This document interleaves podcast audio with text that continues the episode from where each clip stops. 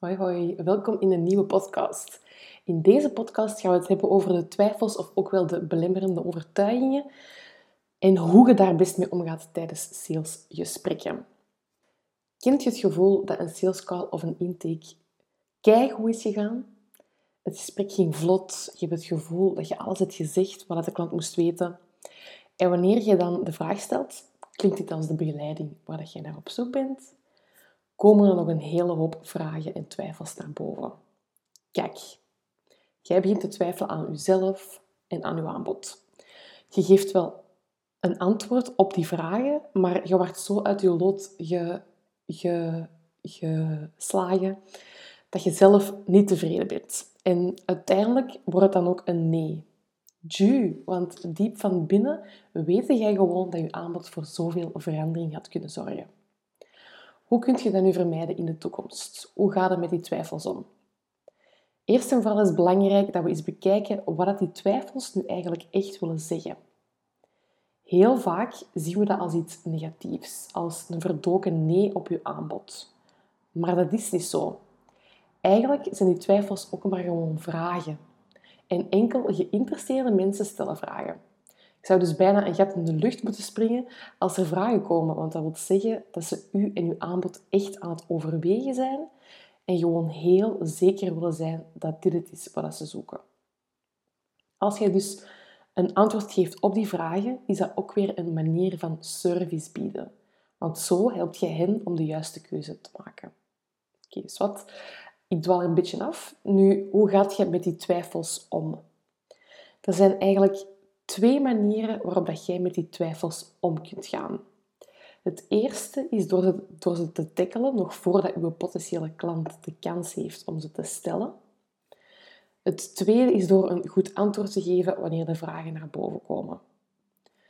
Uiteraard willen we tijdens de call zoveel mogelijk inzetten op het eerste. We gaan ervoor zorgen dat ze eigenlijk alle nodige info krijgen, zodat ze op het einde zo weinig mogelijk twijfels hebben. En in deze podcast ga ik drie tips delen waarmee dat jij zoveel mogelijk twijfels wegneemt tijdens uw sales call. De eerste is dat we geen, of toch niet uitsluitend, oppervlakkige vragen willen stellen. Dat klinkt kei logisch, maar ik durf te wedden dat jij nu vragen stelt waarvan je zelfs niet wist dat ze, op, dat ze oppervlakkig waren. Stel nu dat jij een social media strategie bent en je focust je tijdens het sales ge, gesprek vooral op de huidige statistieken van de posts en de stories van uw klanten. Daarna vraag je door naar welke doelen en strategieën ze allemaal ehm, hebben nu. Zijn dat oppervlakkige vragen? Ja. Zijn het daarom foute vragen? Nee. Maar het is niet genoeg om hen te overtuigen van de urgentie van uw aanbod. Je wilt net te weten komen wat de onderliggende redenen en motivatie is van uw potentiële klant om verandering te zien in hun huidige manier van werken. Zodat uw potentiële klant na jullie sales call weet waarom dat ze er nu zelf niet in slagen om hun doel te bereiken, wat dat hen te doen staat om dichter bij dat doel te komen en waarom dat het nu de juiste moment is om te investeren en ermee aan de slag te gaan. Dat gaat ervoor zorgen dat ze tijdens de call zelf eigenlijk al bevestigen dat ze u wel degelijk nodig hebben. Wat ervoor zorgt dat er weinig tot geen vragen gaan overblijven op het einde en dat je zelfs in heel veel gevallen een ja krijgt op je aanbod tijdens de call. En daar doen we het allemaal toch voor, denk ik dan. Aarzel dus ook niet om door te vragen, om te achterhalen wat ze willen bereiken, wat ze al geprobeerd hebben, waarom dat het hen frustreert dat dat niet heeft gewerkt tot nu toe. Dat was het eerste. Wat is het tweede wat je kunt doen? Um, ja, wat kan er eigenlijk vooral voor zorgen dat je op het einde van de call nog heel veel vragen of twijfels krijgt? Is dat je tijdens de call vol een bak ligt te schrijven. Nu hoor ik je wel denken, oeh, waarom is dat slecht? Ik wil toch niks missen van wat die persoon zegt. Nu, in theorie is daar niks mis mee. Maar ik neem veel liever een sales call op. Waarom?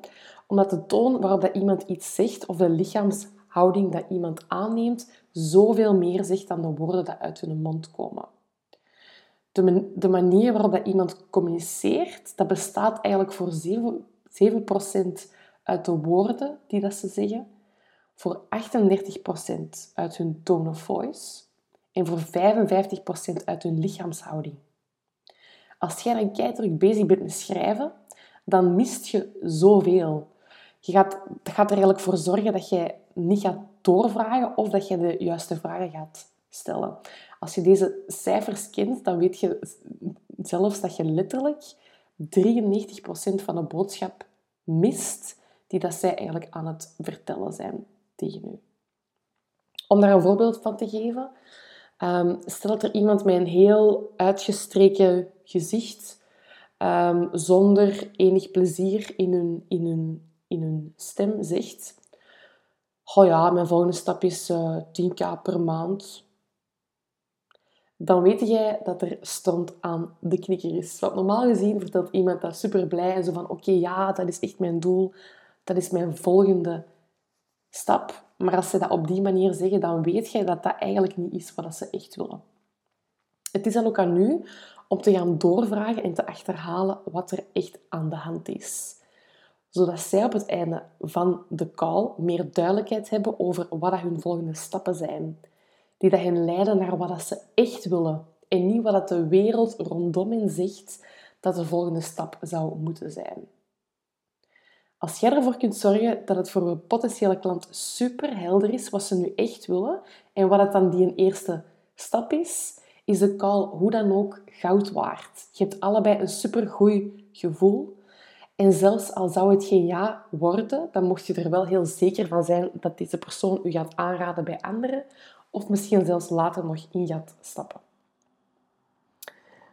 Dan het laatste wat ik kan zorgen voor nog te veel vragen op het einde van uw call, is uw manier van aanpakken van A tot Z uitleggen. Nu gaat je mij misschien helemaal um, voor zot ver, ver, verklaren, maar ik raad dat wel degelijk af.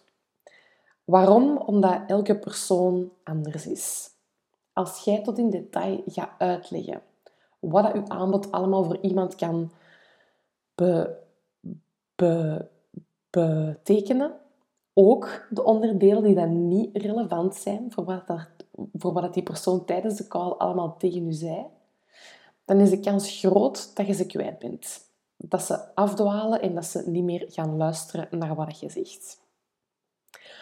En ook op die korte tijd kun je ook gewoon niet uitleggen waarom dat elk deel van je aanbod belangrijk is in het oplossen van hun specifiek probleem.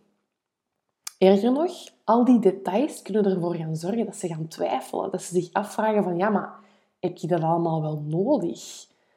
Is dat wel wat ik zoek? Want wie heeft er al niet eens de vraag gehad van, goh zeg, ik weet eigenlijk niet of dat onderdeel X wel nodig is.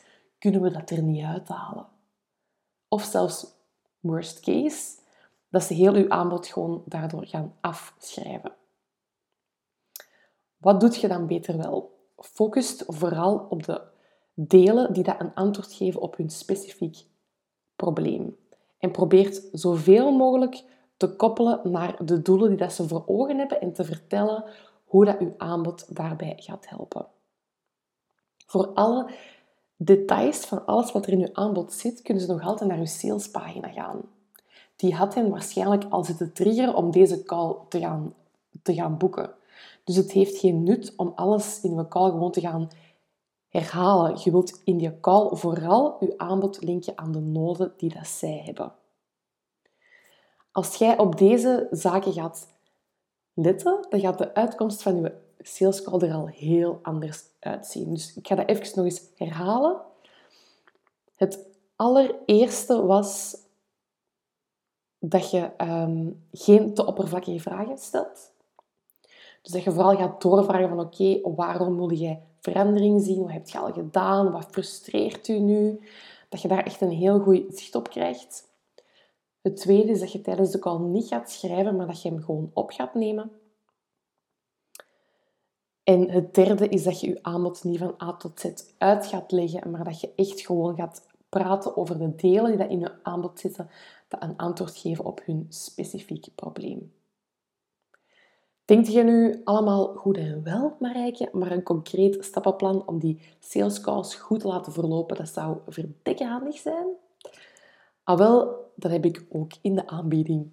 Ik zweer zelf echt bij sales calls. Het was serieus zoeken, dat geef ik toe. Mijn allereerste calls waren echt een ramp. Ik gaf daar veel te veel gratis tips. Eh, ik durfde mijn aanbod heel vaak niet pitchen. Maar trial en error gewijs heb ik dat volledig om kunnen gooien.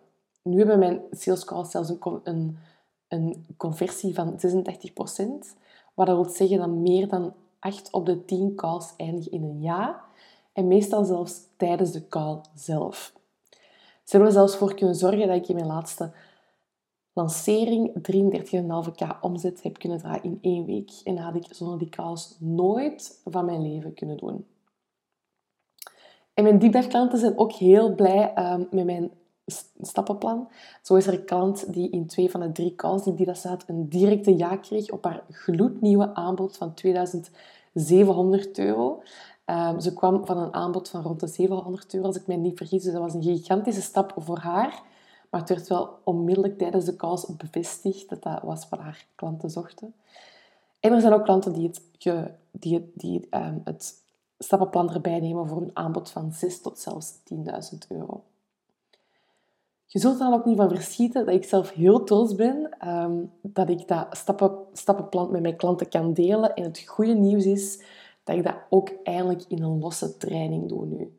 Uh, zo kan ik veel meer coaches en experten helpen in het ownen van hun sales calls. Daarvoor konden eigenlijk alleen maar mijn deep dive klanten. Um, ja, waren zij eigenlijk de enige dat van mij het stappenplan kregen. Maar aangezien dat daar de plaatsen heel, heel ja, gelimiteerd zijn en ik de deuren daar maar twee keer per jaar open, um, ben ik heel blij dat ik het nu in een aparte training heb kunnen gieten, zodat ik nog meer impact kan maken. En die training, dat is de Kick-Ass Sales Calls training. Heb je nu goesting om je omzetdoel veel sneller te gaan halen en terug die connectie met je klant te gaan voelen, dan zijn sales calls echt iets voor u. Via de link in de show notes kun je alle info over de training terugvinden. En dat is het nu echt voor vandaag. Vond jij dit een interessante podcast? Deel dan gerust een screenshot in je stories. Zo kan ik nog meer coaches en experten verder helpen in het ownen van hun sales. Dikke, dikke merci voor het luisteren en tot de volgende.